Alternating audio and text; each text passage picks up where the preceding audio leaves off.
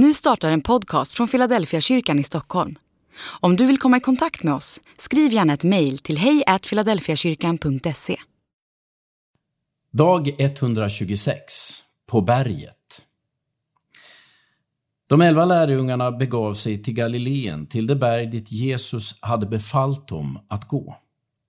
När de fick se honom där föll de ner och hyllade honom. Men några tvivlade. Då gick Jesus fram till dem och talade till dem. Åt mig har getts all makt i himlen och på jorden. Gå därför ut och gör alla folk till lärjungar. Döp dem i Faderns och Sonens och den heliga Andens namn och lär dem att hålla alla de bud jag har gett er. Och jag är med er alla dagar till tidens slut. Matteus kapitel 28, vers 16-20. Det står att några av lärjungarna tvivlade, men vad är det de tvivlar på? Det kan inte handla om Jesu uppståndelse från de döda. Detta är i alla fall tredje gången de möter Jesus efter hans uppståndelse. De har fått tillräckliga bevis för att han som var död faktiskt är vid liv igen.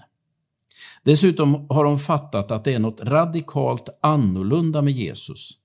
Han kommer in i rummen där de sitter fast dörrarna är reglade och han försvinner genom att liksom lösas upp i tomma intet. Tid och rum verkar inte begränsa Jesus längre. De har tagit på honom och ätit med honom och de är överbevisade om att det faktiskt är han och inte ett spöke eller något annat paranormalt fenomen.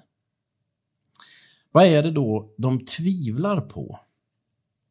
De tvivlar på vad allt detta ska betyda. De verkar nästan lite vilsna efter mötet med den uppståndne Jesus. Man får känslan av att de är glada för Jesus skull, att, att de har fått möta honom, att han har kommit undan döden, men sen vet de inte riktigt vad de ska göra. Efter några veckors väntan i Jerusalem gör Petrus slag i saken och återvänder till fiskeriet vid Genesarets sjö och flera av de andra lärjungarna hänger på utan några invändningar. Det är då de möter Jesus igen och han håller det komprimerade tal som vi kallar för missionsbefallningen. Talet är en förklaring av vad hans uppståndelse betyder. Han talar för att möta lärjungarnas tvivel och för att förklara magnituden av sin uppståndelse.